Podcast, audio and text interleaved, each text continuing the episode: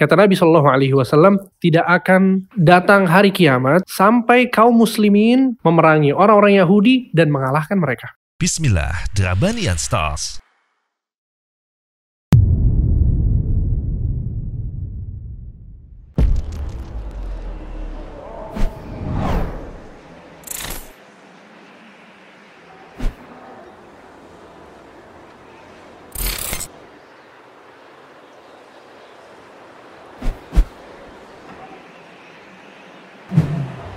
Samase, it's different.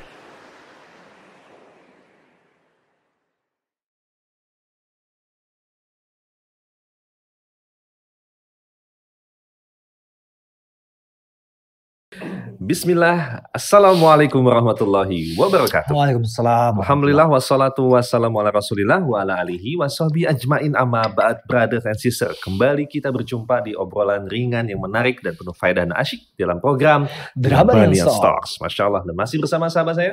Reda Samudra. Alvin Dan Thomas. tentunya dengan Alvin, Alhamdulillah senang sekali kita bisa sekali berjumpa dan Mhm. kita akan ngobrol asik ya Iya. kan bersama guru-guru kita. ya, Karin. dan tentunya berfaedah banyak ilmunya. Iya, betul sekali. Dan tentunya masih bersama guru kita, Al-Ustaz Muhammad Halis Syariasi, Hafidhullah Ta'ala, dan Al-Ustaz Hamdi, Hamdi Soleh Al-Bakri. Al-Bakri. Assalamualaikum Ustaz. Waalaikumsalam warahmatullahi wabarakatuh. Sehat, sehat. Alhamdulillah Alhamdulillah, kita ini alhamdulillah Kang Iya, sehat juga. Alhamdulillah. Dan teman sekalian, Hmm. silakan ya. Seperti biasa, kita akan ngobrol. Dan di akhir sesi, kita berikan kesempatan buat kamu yang punya usaha Jasa ataupun produk. mhm. Silakan bisa dikirimkan infonya ke kita ya. DM ke Instagram ya, Ya, Drabania insya nanti akan diberikan form mengisi siapa tahu nanti bisa di kita bantu promote di sini. Insya Allah Ta'ala. Dan semoga memudahkan usaha Amin. kamu semua. Dan seperti biasa, sekiranya mendapatkan manfaat, silakan Ya. disebarkan ya. Di share. Share. Siapa tahu ada unta merah di sana Betul, pahala besar. dibukanya pintu hidayah dan Ya. Orang-orang insya Allah Dan- hijrah dengan Betul sekali. Dan Bismillah. silakan follow di Instagram, Mhm, YouTube. YouTube, Spotify, dan juga Clubhouse. Oh iya, Ya, benar, benar, betul. Kita punya kajian rutin setiap Rabu, insya Allah sambil menunggu offline yang semoga memudahkan insya Allah. Rabu ya. malam jam 8 ya. Betul, jam 8 insya Allah dulu kita. Dan alhamdulillah sekarang Android sudah bisa. Bisa, betul sekali Alhamdulillah.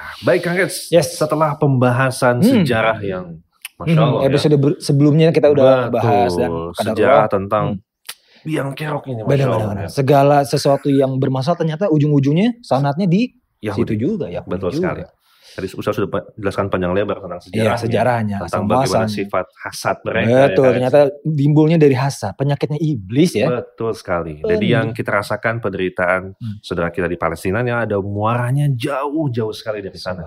Dan dan diwanti-wanti supaya orang Islam tuh jangan sampai mengikuti yang seperti Betul itu. Kang Eda. Dan setelah kita melihat bagaimana penindasan mereka ya terhadap Hmm. saudara-saudara kita di Palestina dan sebagainya, Karen mungkin kita akan lanjutkan bahasan kita. ya. Benar. Kemarin tuh pembahasannya yang ingin Anda tanyakan tuh Hmm. ke Ustadz Hamdi atau Ustadz Iya, Muhammad ya? betul. Ustadz Muhammad ya. Ustaz Muhammad betul.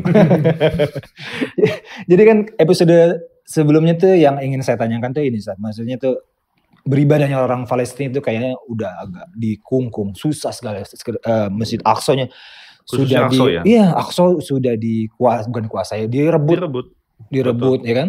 Walaupun masih ada mungkin bisa beribadah tapi ya gitu kan nggak nggak gak nyaman. nggak nyaman. Betul. Kemarin Ramadan di bom Iya. segala macam sedang Reda, beribadah. berulang lagi. Iya, dan terus menerus dan terus Betul. menerus. Nah, sikap kita Ustaz, kaum muslimin, terutama di Indonesia lah, melihat ya Aqsa dikuasai dengan orang-orang Yahudi ini bagaimana ya. Sikap saya seperti apa Ustaz Hmm. barakallahu fikum alhamdulillah rabbil alamin wasallallahu wasallam wa ala abdihi wa rasulih nabi Muhammad wa ala alihi wa sahbihi ajma'in ba'd ya ini masalah bagaimana ya sekarang sikap kita terhadap Aqsa yang akhirnya direbut oleh Yahudi faktanya seperti itu ya dikuasai oleh mereka dan seterusnya namun sebelum itu ini juga salah satu sebenarnya. Salah satu sikap seorang muslim terhadap Aqsa itu mesti gimana? Salah satunya adalah mengenali Masjidil Aqsa kepada kaum muslimin mengenali Masjidil Aqsa keistimewaannya kepada anak-anak kita. Agar mereka tahu bahwa itu bukan punya Yahudi itu tempat ya. Itu milik kaum muslimin tuh Masjidil Aqsa. Ya. Dan memang itu punya kaum muslimin dasarnya. Karena Masjidil Aqsa ini kiblat pertamanya kaum muslimin. Ya, awal pertama kali disuruh sholat kiblatnya di Masjidil Aqsa. Begitu juga bahwa Masjidil Aqsa merupakan masjid kedua di bumi Allah Subhanahu wa taala dalam sebuah hadis ya Rasul kita alaihi salatu wassalam pernah ditanya oleh Abu Dzar atau Abu Dzar radhiyallahu anhu ya Rasulullah ayu masjidin wudi'a fil ardi awal Ya Rasulullah, masjid apa yang pertama kali ada di bumi? Rasul menjawab, Al-Masjidul Haram. Jawabannya adalah Masjidil Haram yang ada di Mekah. Qal, qultu thumma ay. Lalu apa lagi ya Rasulullah? Masjidul Aqsa. Masjid Al-Aqsa. Qultu kam kana bainahuma? Berapa jarak di antara dua masjid ini? Qal arba'una sana, 40 tahun. Jadi maksudnya 40 tahun setelah dibangunnya Masjidil Haram, lalu dibangun juga Masjidil Aqsa. Aqsa. Dan Masjidil Aqsa itu adalah tempat yang sangat diberkahi oleh Allah Subhanahu wa taala. Ya, sebagaimana yang Allah firmankan dalam surat Al-Isra ayat pertama. Subhanalladzi asra bi'abdihi lailan minal masjidil harami ilal masjidil aqsa alladzi barakna haulah. Kata Allah Subhanahu wa taala, segala puji bagi Allah, Maha suci Allah Subhanahu wa taala yang telah menjadikan seorang hambanya berjalan di malam hari dari Masjidil Haram ke Masjidil Aqsa yang kami berkahi sekelilingnya. Ya. Berarti Masjidil Aqsa adalah tempat yang diberkahi oleh Allah Subhanahu wa taala. Juga Masjidil Aqsa ini merupakan salah satu dari tiga masjid yang boleh kita bersafar dalam rangka ibadah ke tempat tersebut. Rasulullah SAW mengatakan la tushaddur rihal illa ila thalathati masajid. Kalian tidak boleh bersafar berpergian dalam meyakini keistimewaan suatu masjid kecuali tiga masjid. Masjidil Haram yang ada di Mekah, Masjid Nabawi, masjidnya Rasul yang ada di Madinah, dan Masjidil Aqsa kata Rasul SAW. Tiga masjid ini, ya. Dan ketiga masjid ini memiliki keistimewaan dalam masalah sholat tuh beda-beda. Tapi intinya tiga masjid ini nggak sama dengan masjid-masjid yang lain, ya. Di Masjidil Haram di Mekah 100 ribu pahala, ya. Di masjidnya Rasul SAW seribu, ya. Di Masjidil Aqsa kata Rasul Shallallahu Alaihi Wasallam pada saat Abu Dhar kembali bertanya Rasul SAW, pada saat beliau dan Rasul lagi ngomongin Masjidil Aqsa, dia tanya, Ayyuhuma afdal ya Rasulullah? Masjidu Rasulillah atau Masjidu Baitul Maqdis? Ya Rasulullah, mana yang lebih afdal? Nabawi atau Masjidil Aqsa? Kata Rasul SAW, uh, Masjid Nabawi, ya, masjidnya Rasul SAW. Kenapa? Salatun fi masjidi hadha afdalu min arba'i salawatin fih. Kata Rasulullah SAW, sholat di Masjid Nabawi empat kali lipat lebih baik daripada sholat di Masjidil Aqsa. Berarti kalau dibagi kalau dibagi jadinya Masjidil Aqsa itu mendapat 250 pahala sholat. Ya. Dan Rasul memang mengatakan wala ni'mal musalla dan itu adalah tempat yang baik atau tempat yang begitu baik untuk sholat. Wala yushikanna an la yakuna lirrajuli mithlu syatani farasihi minal ard haitsu yara minhu baital maqdis khairun lahu min ad-dunya jami'a. Kata Rasulullah SAW. Uh, lebih baik seseorang itu punya sedikit tanah, tapi tanah itu berada di tempat yang dia mampu dengannya melihat Masjidil Aqsa lebih baik daripada dunia dan isi-isinya. Ya, biar sedikit tapi dekat Masjidil Aqsa itu masih lebih baik daripada dunia dan isi-isinya. Bahkan Nabi Musa alaihissalam kita tahu dia meminta kepada Allah agar wafat dekat dengan Masjidil Aqsa. Ya, makanya di apa? Di daerah Palestina itu ada kuburan Nabi Musa ceritanya. Makamnya Nabi Musa alaihi salam, ya. Dan kata Imam Nawawi, tidaklah Nabi Musa meminta agar dekat dengan Masjidil Aqsa kecuali karena kemuliaan yang dimiliki oleh Masjidil Aqsa.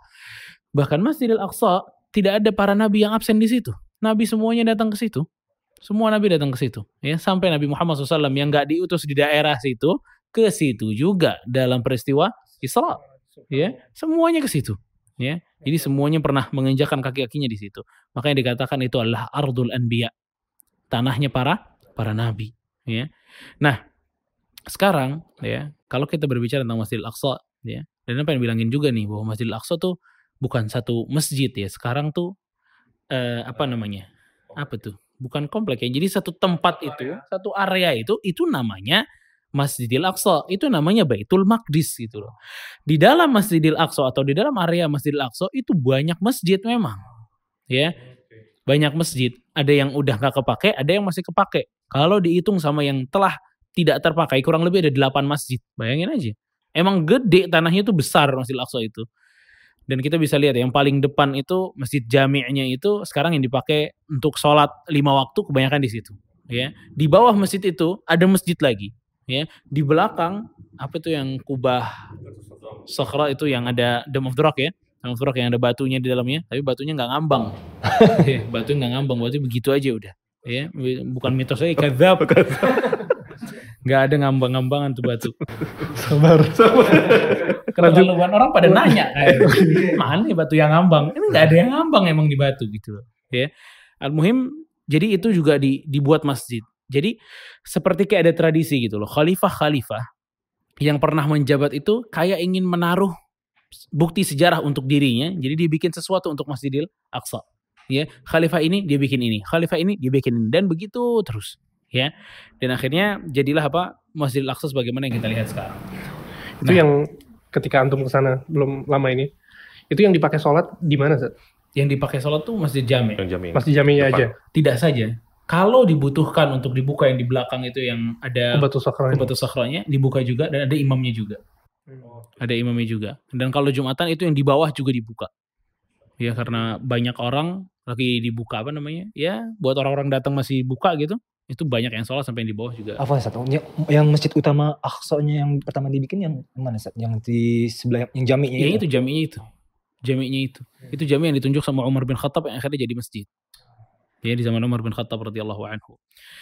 Nah, nah kita lihat ya bahwa sekarang tuh memang nggak bisa dipungkiri bahwa mereka yang menguasai. Sekarang kita kalau kamu mau sholat ke masjid jami tersebut, masjid Al-Aqsa itu, kita harus melewati tentara-tentara Yahudi yang bawa apa ya, pistol aras panjang bukan? Wah kayak mau perang aja udah gayanya ya. Semua ditanya lah bahasanya. Kalau udah ketahuan nih orang Indonesia semua jalan. Tapi kalau yang datang itu anak muda Palestina mukanya udah ketahuan di stop dulu sama dia KTP-nya ditahan dulu. Tanya-tanya dulu gitu iya. Kok turis juga hampir lanjut? ya Ana juga hampir di stop sama dia. Oh, tapi kayak orang Palestina. "Enggak, kita orang Indonesia. Iya lanjut lagi. Tapi yang belakangan anak muda dua orang itu bang stop. Di stop sama dia di apa namanya ditanya-tanya diambil dulu KTP-nya ntar habis sholat ambil lagi. Dia jadi tetap bisa kita sholat alhamdulillah tapi memang tadi tuh ntar ada konflik lagi ntar ada konflik lagi dan begitu terus dan begitu terus dan ini terjadi udah berpuluh-puluh tahun bahkan mungkin ratusan tahun udah terjadi hal seperti ini gitu loh ya bulak balik terus gitu loh bulak balik terus jadi memang kita mesti melihat faktanya bahwa Masjidil Aqsa sekarang dipegang oleh orang-orang Yahudi. Padahal Al-Quds Baitul Maqdis itu milik kita. Makanya ini hal yang perlu diedukasi kepada anak-anak kita, diedukasi kepada kaum muslimin bahwa ini punya kita.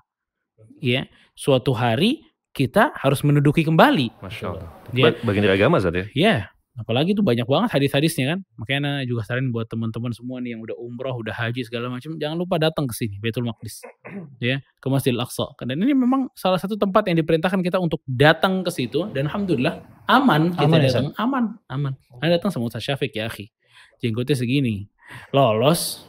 Karena bukan orang. Palestina. Hah? Karena bukan orang Palestina. iya. Selama orang asing lolos sih. Lolos, insya Allah sih lolos. Nah, barakallahu fikum.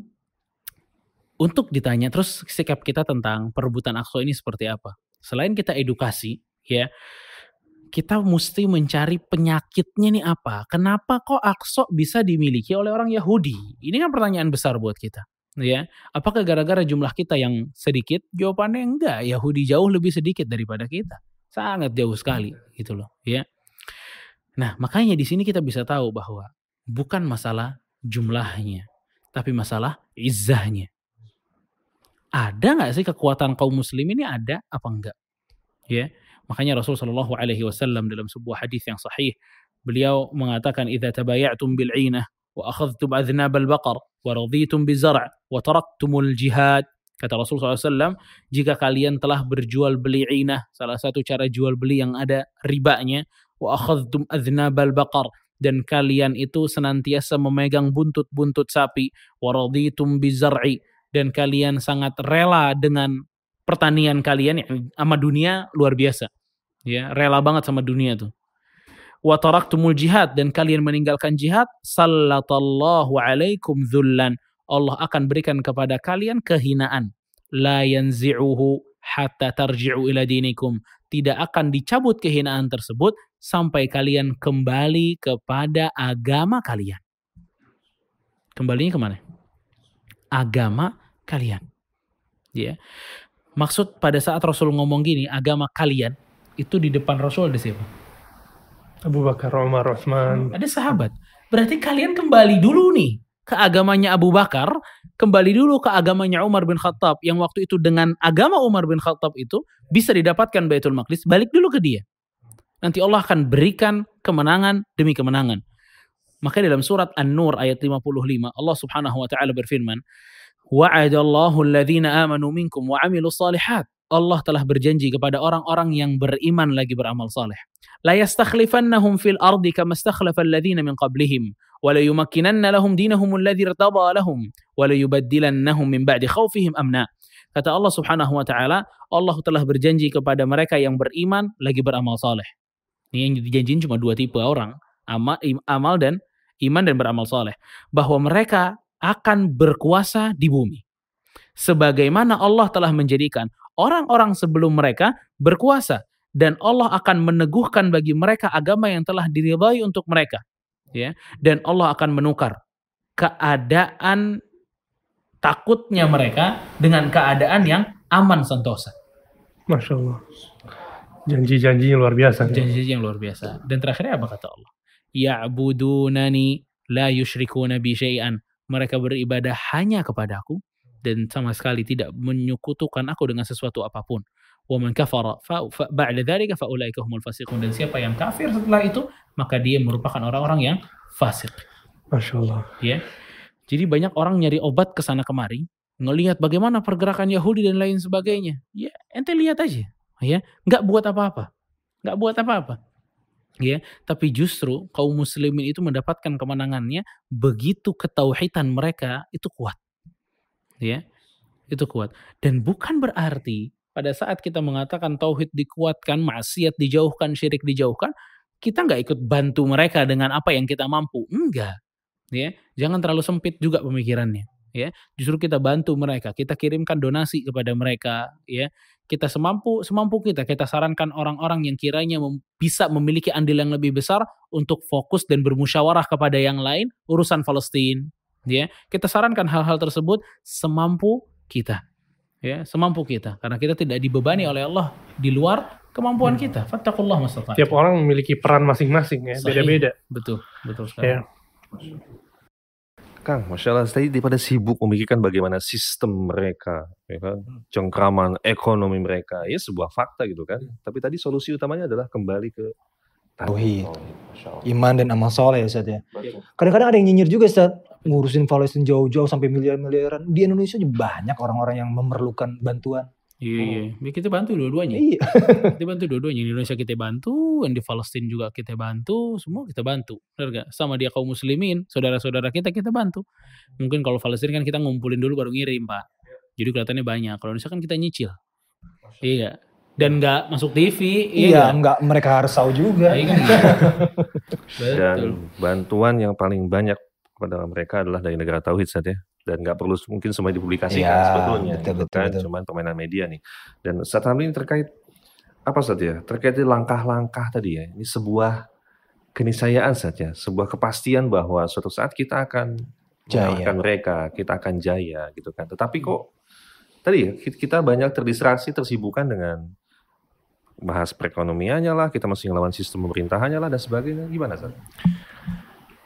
Em, kalau kita melihat di Al-Quran, kemudian di As-Sunnah, kita dapatkan bahwa Allah Subhanahu Wa Taala dan Rasul SAW menyebutkan janji-janji ya kemenangan untuk kaum muslimin. Dalam sebuah hadis Nabi Shallallahu Alaihi Wasallam mengatakan, لا تقوم الساعة حتى يقاتل المسلمون اليهود فيقتلهم المسلمون حتى يختبئ اليهودي من وراء الحجر والشجر فيقول الحجر والشجر يا مسلم يا عبد الله هذا يهودي خلفي ta'al faqtulhu illal gharqad fa innahu syajarul yahud. Kata Nabi Shallallahu alaihi wasallam, tidak akan datang hari kiamat sampai kaum muslimin memerangi orang-orang Yahudi dan mengalahkan mereka. Lihat, Nabi SAW yang mengatakan. Kemudian kata Nabi SAW, dan pada saat itu orang-orang Yahudi lari dan um, bersembunyi ya di balik pohon dan batu. Kemudian pohon dan batu seluruhnya mengatakan kepada orang-orang Muslim, wahai Muslim, sesungguhnya di belakangku ada Yahudi, bunuhlah dia. Kecuali satu pohon, kata Nabi SAW, illal gharqat, kecuali pohon gharqat, sesungguhnya itu adalah pohonnya orang-orang Yahudi. Hadis ini sahih diriwayatkan oleh Imam Muslim. Sehingga nggak ada yang lebih uh, kita percaya dari wahyu Allah Subhanahu wa taala. Dan apa yang dikatakan Nabi SAW adalah wahyu dari Allah Azza wa Jal. Wa ma yantiqu anil hawa in huwa illa wahyu yuha. Tidaklah Nabi SAW berucap dengan hawa nafsunya. Itu adalah dari wahyu wahyu dari Allah Subhanahu wa taala. Bahkan kalau kita melihat ke Al-Qur'an, kalau kita melihat ke Al-Qur'an, kemudian kita analisa ya, ternyata banyak ayat-ayat Al-Qur'an yang menunjukkan betapa Allah Subhanahu wa taala memberikan jaminan bagi kita kaum muslimin untuk mengalahkan mereka orang-orang Yahudi. Dan Ana akan sebutkan 10 ayat isinya adalah jaminan dari Allah Subhanahu wa taala tentang kekalahan orang-orang Yahudi. Kita simak satu persatu ayatnya ya. Semoga Allah Subhanahu wa taala berikan uh, faidah buat kita semua. Jaminan pertama, surat Al-Imran ayat 111. Allah Subhanahu wa taala berfirman, "La yadhurrukum illa adza wa yuqatilukum yuwallukumul adbar thumma la yunsarun." Artinya, mereka sekali-kali tidak akan dapat membahayakan kalian kecuali gangguan-gangguan yang sedikit saja. Lihat. Sedikit saja kata Allah. Ya, sebagian ulama tafsir mengatakan celaan saja. Dan jika mereka berperang dengan kalian, pasti mereka kalah berbalik lari ke belakang. Kemudian mereka tidak mendapatkan pertolongan. Ibnu Kathir rahimahullah mengatakan dalam tafsirnya tentang ayat ini, kata beliau, inilah yang terjadi. Sesungguhnya Allah telah hinakan dan campakkan mereka pada perang Khaybar. Kita tahu perang Khaybar tahun ke-7 Hijriah mereka diusir oleh Nabi uh, afwan mereka dikalahkan oleh Nabi Shallallahu alaihi wasallam. Kemudian kata Ibnu Katsir dan sebelumnya orang-orang Yahudi Madinah dari kalangan Bani Qainuqa, Bani Nadir dan Bani Quraidah semuanya telah Allah hinakan dari Madinah diusir sampai ke mereka kemudian ke Khaybar ya. Kemudian kata Ibnu Katsir, begitu juga orang-orang Nasrani di Syam. Para sahabat Nabi telah mengalahkan mereka di beberapa kesempatan serta menjatuhkan kekuasaan mereka di Syam selama-lamanya. Ya kan sekarang dipegang sama kaum muslimin. Taib. Dan sekelompok kaum muslimin akan selalu ada di Syam. Kata Ibnu Katsir. Dan by the way, Ibnu Katsir orang Syam. Ya. Kata beliau, uh, selalu ada di Syam, ya, dan sekelompok kaum muslimin akan selalu ada di Syam sampai turunnya Nabi Isa bin Maryam dalam keadaan mereka tegar di atas agama. Kemudian Nabi Isa menjalankan hukum dengan syariat Muhammad Shallallahu Alaihi Wasallam, maka ia akan menghancurkan salib, membunuh babi, menghapus upeti, dan ia tidak menerima kecuali Islam. Sebagaimana yang disebutkan oleh Nabi SAW dalam sebuah hadis. Ya. Sehingga ini jaminan yang pertama. Jaminan yang kedua, Allah berfirman dalam surat Al-Imran ayat 112. Duribat alaihimu zillatu aynama thuqifu. Mereka diliputi kehinaan di mana saja mereka berada. Kemudian uh, jaminan yang ketiga, Allah Subhanahu wa taala berfirman di surat Al-Imran ayat 112 juga, wa duribat alaihimul maskanah. Dan mereka diliputi kerendahan. Um, sebagian ulama menyebutkan maksud dari kerendahan di sini al-maskanah faqrul qalbi wa hajatuh. Yaitu ketika hatinya itu fakir dan sangat membutuhkan. Ya sangat membutuhkan. Wa idza kana al-qalbu faqiran fa inna ad-dha'fa mulazimun lahu. Dan orang yang fakir hatinya ya dia akan lemah. Dia akan lemah. Dan ini yang disebutkan oleh uh, para ulama. Taib. Kemudian jaminan yang keempat Nabi ber, uh, Allah Subhanahu wa taala berfirman dalam surat Al-Maidah ayat 64. Wa alqaina bainahumul adawata wal baghdha ila yaumil qiyamah. Yang artinya dan kami telah timbulkan permusuhan dan kebencian di antara mereka sampai hari kiamat. Jadi saling benci satu dengan yang lain tuh Yahudi. Nabi SAW mengatakan iftaraqatil Yahud ala ihda wa sab'in firqah. Orang-orang Yahudi terpecah menjadi 71 golongan. Dalam sebuah hadis yang sahih Kemudian juga uh, itu adalah dan ini yang dikatakan Allah Subhanahu wa taala bahwa mereka berpecah belah dan ini merupakan jaminan dari Allah bahwa mereka itu lemah. Ya. Kemudian jaminan yang kelima Allah berfirman dalam surat Al-Maidah ayat 64. Ya, kullama awqadu naran lil harbi atfa'aha Allah wa yas'auna fil ardi fasadan wallahu la yuhibbul mufsidin. Setiap kali mereka menyalakan api peperangan, Allah selalu memadamkannya. Dan mereka berbuat kerusakan di muka bumi dan Allah tidak menyukai orang-orang yang membuat kerusakan. Kemudian, jaminan yang keenam, surat Al-A'raf ayat 167. Allah berfirman, "Wa idh ta'adzana rabbuka la yab'atsanna 'alaihim ila yaumil qiyamati man yasumuhum su'al 'adzab inna rabbaka lasari'ul 'iqab wa innahu laghafurur rahim." Kata Allah Subhanahu wa taala dan ingatlah ketika Tuhanmu memberitahukan bahwa sesungguhnya Allah akan mengirimkan kepada mereka orang-orang Yahudi sampai hari kiamat nanti orang-orang yang akan menimpakan kepada mereka azab. Sesungguhnya Tuhanmu apa, amat cepat siksanya dan sesungguhnya dia maha pengampun lagi maha penyayang. Taib. Kemudian jaminan yang ketujuh. Allah Subhanahu wa taala berfirman dalam surat Al-Baqarah ayat 96. Wala tajidannahum ahrasan nasi ala hayati wa minal ladzina asyraku. Yawaddu ahaduhum law yu'ammaru alfa sanatin wa ma huwa bimuzahzihihi minal adzabi ay yu'ammar wallahu basirum bima ya'malun. Kata Allah Subhanahu wa taala dan sungguh kalian akan mendapati mereka maksudnya orang-orang Yahudi sebagai orang yang paling bersemangat kepada kehidupan dunia.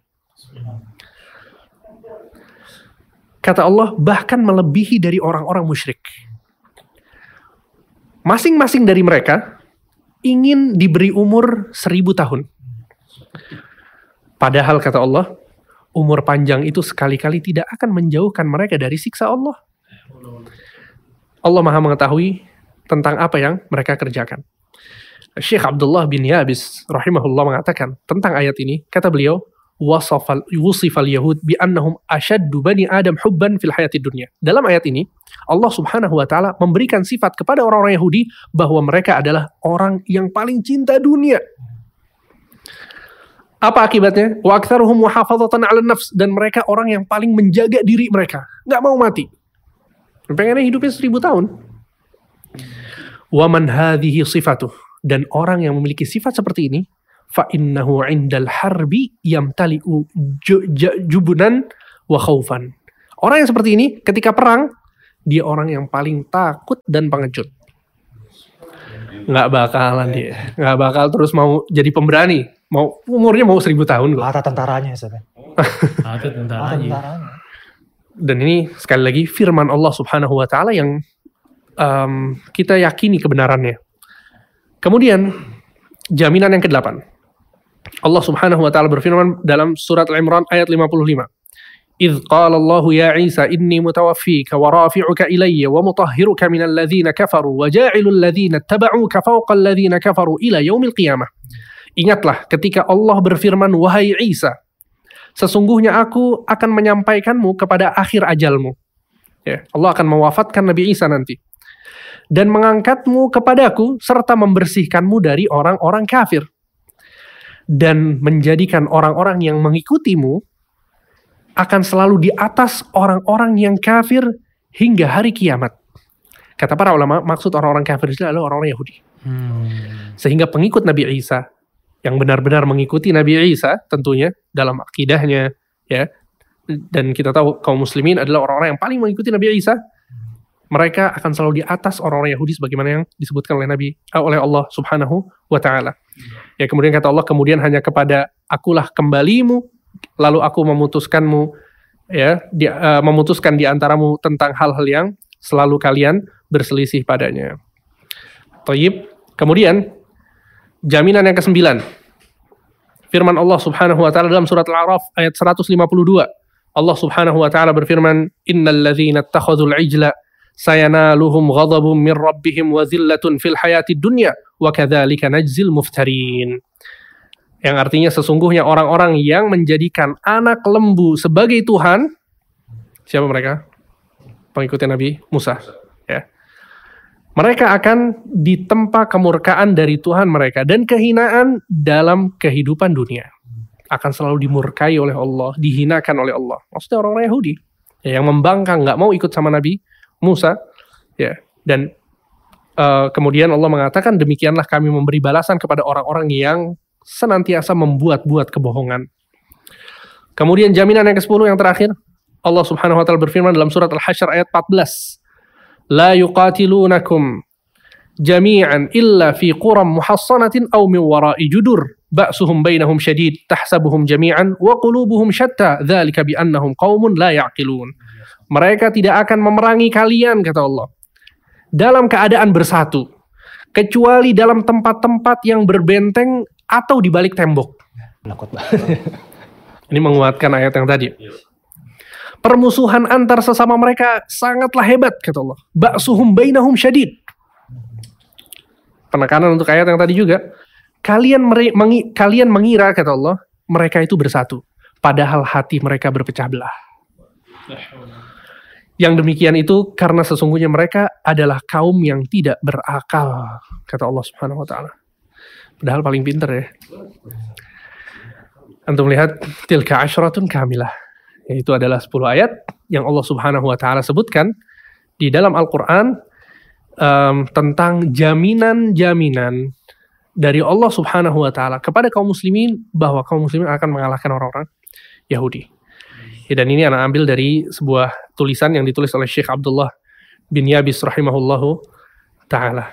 Ya, Sehingga ya, itulah jaminan dari Allah dan kita sebagai kaum muslimin yang kita percaya adalah firman Allah Subhanahu wa taala. Firman Allah. Betul. Ya sehingga apa yang terjadi ya apa yang terjadi em, itu semua kita hanya tinggal menunggu waktu dan alhamdulillah Nabi SAW juga mengatakan la tazalu ta'ifatun min ummati zahirina 'alal haq akan ada selalu sekelompok orang yang selalu di atas kebenaran la yadurruhum man khalafahum wala man khadalahum mereka akan selalu menang selalu di atas orang-orang yang menghinakan mereka yang menyelisihi mereka hatta ya'tiya amrullah wa hum ala dhalik. Sampai hari kiamat kelak, akhir zaman mereka akan tetap ada selalu di atas kebenaran.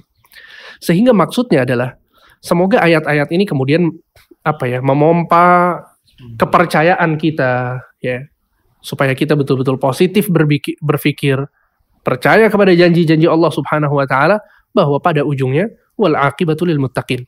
Ya, pada ujungnya yang menang adalah orang-orang yang bertakwa. Sahih, sahih. Karena ada satu ayat wala tajidannahum ahrasan nasi ala hayah. Orang Yahudi orang yang paling semangat urusan masalah dunia, masalah duit, masalah hidup, ya. Tapi menariknya, dia paling semangat masalah duit, tapi di ayat yang lain Allah berapa? Duribat alaihimudz dzillatu aina thuqifu. Mereka di mana pun akan selalu terhina. Mereka di mana pun duribat alaihimul maskanah akan susah, akan miskin, ya. Jadi dia semangat dunia, nggak kaya kaya gitu. Dia semangat dunia, tetap aja miskin lagi, hina lagi. Walaupun Allah bilang dia paling semangat sama dunia. Makanya ini konsepnya juga masalah dunia ya. Orang tambah semangat, tambah miskin. Subhanallah. Tambah dibi- dibuat Itulah hina oleh Allah SWT. Terlihat seolah fakta bahwa mereka Benar. menguasai dunia, justru mereka merasa miskin, nggak Hmm. cukup-cukup gitu. loh. ya itu rasa kurangnya itu. Iya. Masya Allah. Benar-benar. Dan juga jangan sampai kita ada janji-janji Allah gitu akhirnya kita muslim jadi leha-leha ya. Ah udah ada janji ini. Enggak gitu juga Ustaz ya. Ngisi dengan amal soleh kan, Sat, ya? Itu dia. Beragama. ini begini ya maksudnya ini ini satu statement yang kadang Ya, terucap gitu ya betul, betul, sama betul. sebagian orang. Cuman yang menjadi yang menjadi apa namanya realita adalah bahwa ketika Allah Subhanahu wa taala menjanjikan sesuatu, hatta ente males-malesan, bakal ada orang lain yang Sohih. Melakukannya. Iya. paham nggak? Mulai Iya, dikit, iya, liwat. iya. pokoknya. Sekarang nih Gilas. kayak Islam nih ya. Sebagian uh, Islam, Islam tuh nggak bakal nggak bakal kalah. Islam dakwah tuh bakal selalu tersebar. Antum mau ikut ikut berdakwah nggak mau ikut berdakwah terserah. Dakwah bakal tetap berjalan tanpa antum, tanpa kita. Dakwah tuh bakal terus berjalan. Cuma yang jadi masalah apa? Kita mau nggak ikut andil. Kita yang butuh, kita mau nggak dapat pahala nih untuk menyebarkan dakwah. Begitu sama halnya dengan kemenangan kaum muslimin. Kemenangan kaum muslim, muslim bakal menang. Oh kalau gitu anak santai, ya udah, nggak usah ikut. Nanti bakal ada orang lain yang akan mengisi kekosongan itu pasti, dan itu pasti. Dan penyakit cinta dunia takut ma- eh apa? Cinta dunia takut mati berarti sifat salah satu sifat Yahudi kalau muslim yang Gak bakal di wala yatamannawnahu abadan. Allah, Allah udah bilang Yahudi nggak bakal ngarep mati selama-lamanya nggak bakal pernah ngarep mati. Hmm. Nggak bakalan. Bohong, Yahudi ngarep mati bohong. Masya Allah. Begitu gamblang. hmm, Jangan ngerasa berjasa dalam dakwah. Makanya eh, kita butuh banget. faedah di surat Al-Jumu'ah itu ya. Iya, Ustaz. yang pada saat mereka mengatakan bahwa mereka adalah hamba-hamba yang dicintai oleh Hmm? Allah segala macam. Ya, apa kata Allah Subhanahu wa taala? Kalau begitu min harapkan kematian coba. Kan Uh. kamu cinta nih sama Allah nih. Berarti kan kalau mati oke dong, Ya, santai dong. oke. Ya harapkan kematian kata Allah. Ayo, berani mati nggak? Wala yatamannahu abadan kata Allah. Enggak bakalan kata Allah. berani perangnya tuh di dalam benteng-benteng gitu ya. Masya Allah, janji-janji. Dan Ustaz nih, oke yang, ter- yang terjadi nih di dunia nih ya. Misalkan ada pergejolakan ya, pergejolakan seperti kemarin misalkan eh, Aqsa direbut atau Diserang, dizolimi, zolimi. orang-orang sedang ibadah di sana. Tersebarlah untuk memboikot, biasanya kan gitu Hmm, kan. Boikot produk-produk Yahudi nih di Indonesia juga ada yang kayak gitu-gitu kan produk Dan Yahudi. dia selalu berulang sih. Selalu Iya, berulang. maka jangan beli produk yang ini, jangan produk makan yang ini, karena ini produknya Yahudi nanti Ya. eh, membantu eh, apa namanya perekonomian ke sana. alat komunikasi itu itu biasanya menyumbang satu peluru loh. Iya, kaitannya buat gitu.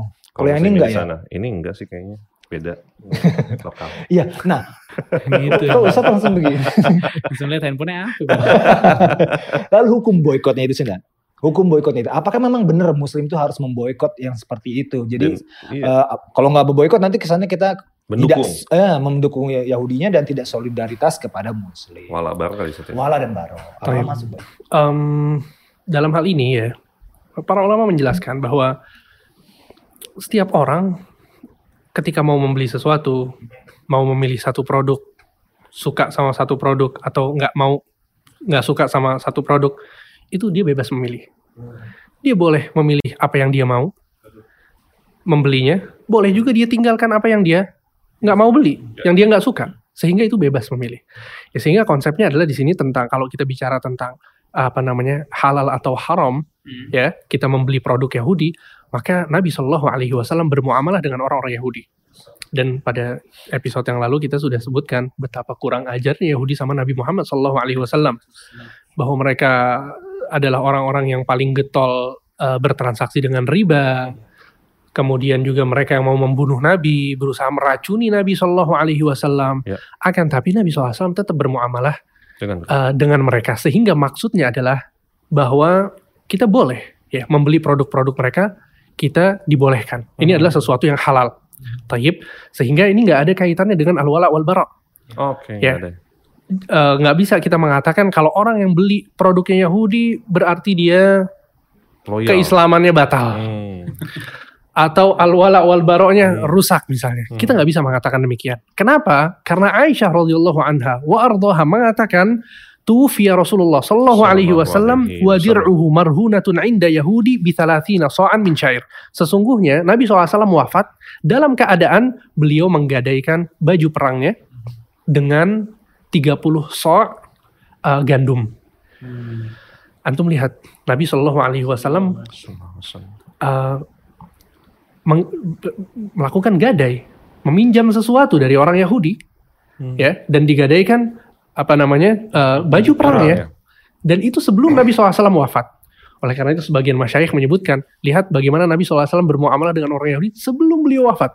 Seakan-akan beliau mau menjelaskan bahwa ini nggak masalah gitu loh. Ini Hmm. sesuatu yang halal, ya. Sehingga uh, seperti itu hukumnya.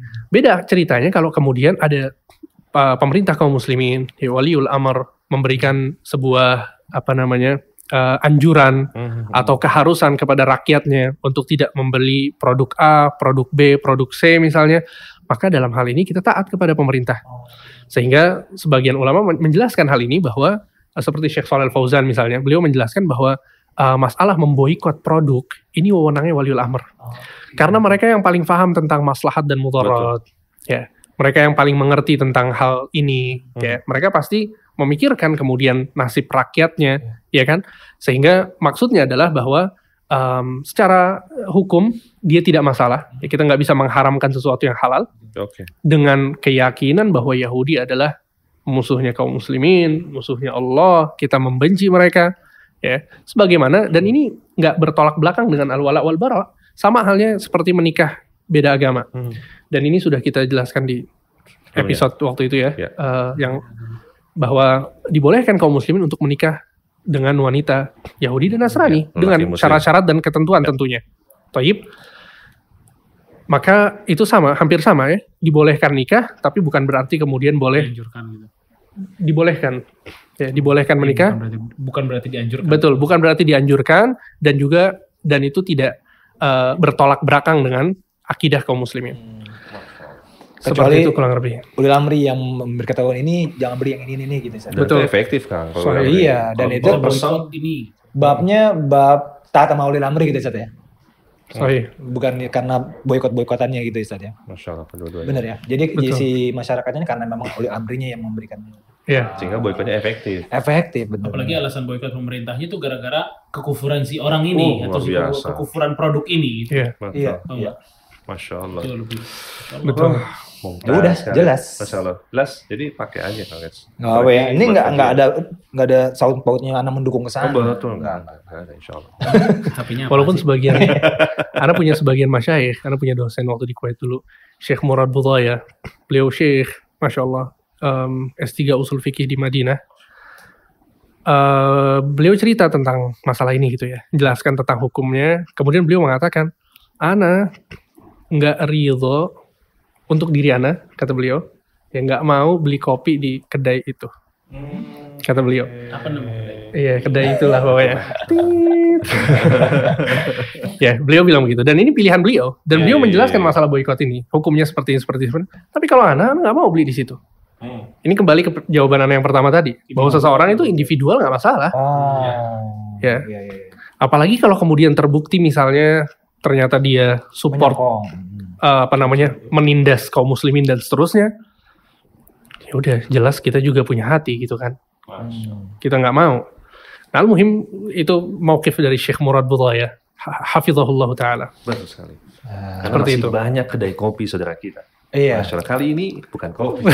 ini kedai sahabat kita juga. Harusnya kopi ya. Namanya ngopi, Zat. Perlu diserok. Muncul. Boleh, boleh. Insya Allah. Tidur kita free. baru ya, insya Allah. muncul. saya.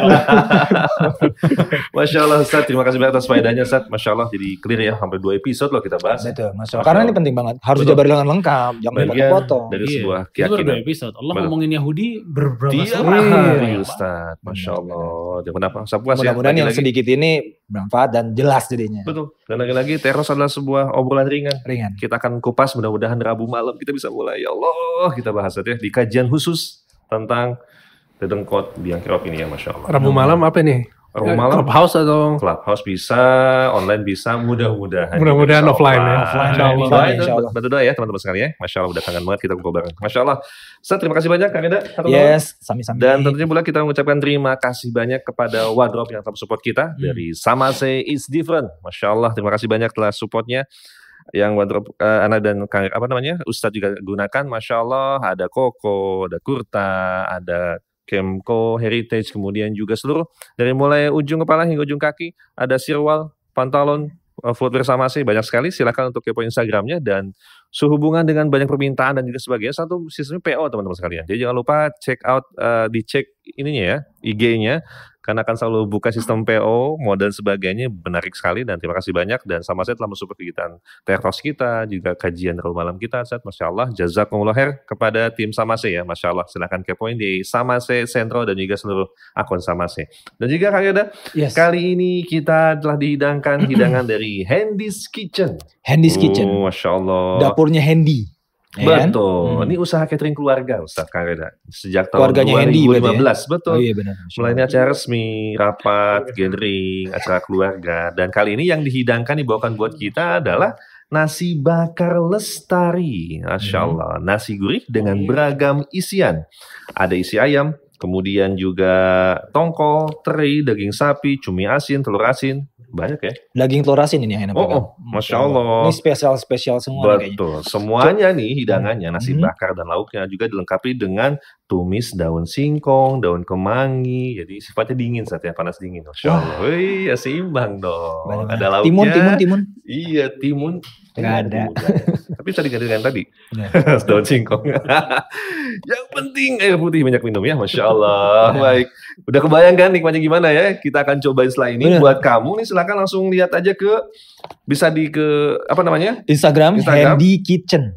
Betul. Mhm. Bisa juga lewat pesan antar berbaju hijau ya silakan di GoFood, GrabFood dan lain sebagainya. Kemudian Yang orange ada nggak? orange juga ada. Oke. Orange juga ada. Kemudian juga silakan Dan ini pak semuanya itu hidangannya pakai daun pisang kan, Oh, sebelum betul. dibakar sehingga lebih aromatik. Benar, di- wah kan kecium kan? Oh, Masya Masya Allah. Iya, emang wanginya enak. Uh, kita akan coba Lapar. setelah ini buat teman-teman silakan ya langsung saja pesan aja insya Allah nasi bakar lestari makan nasi bakar dan lestarikan makanan lokal khas Indonesia. Masya Baik, jazakumullah khair teman sekalian. Mhm. Support terus ya silakan sebarkan kebaikan ini. Simak terus di Instagram, YouTube, Spotify dan Ya. juga kajian Rabu Malam di Clubhouse ya.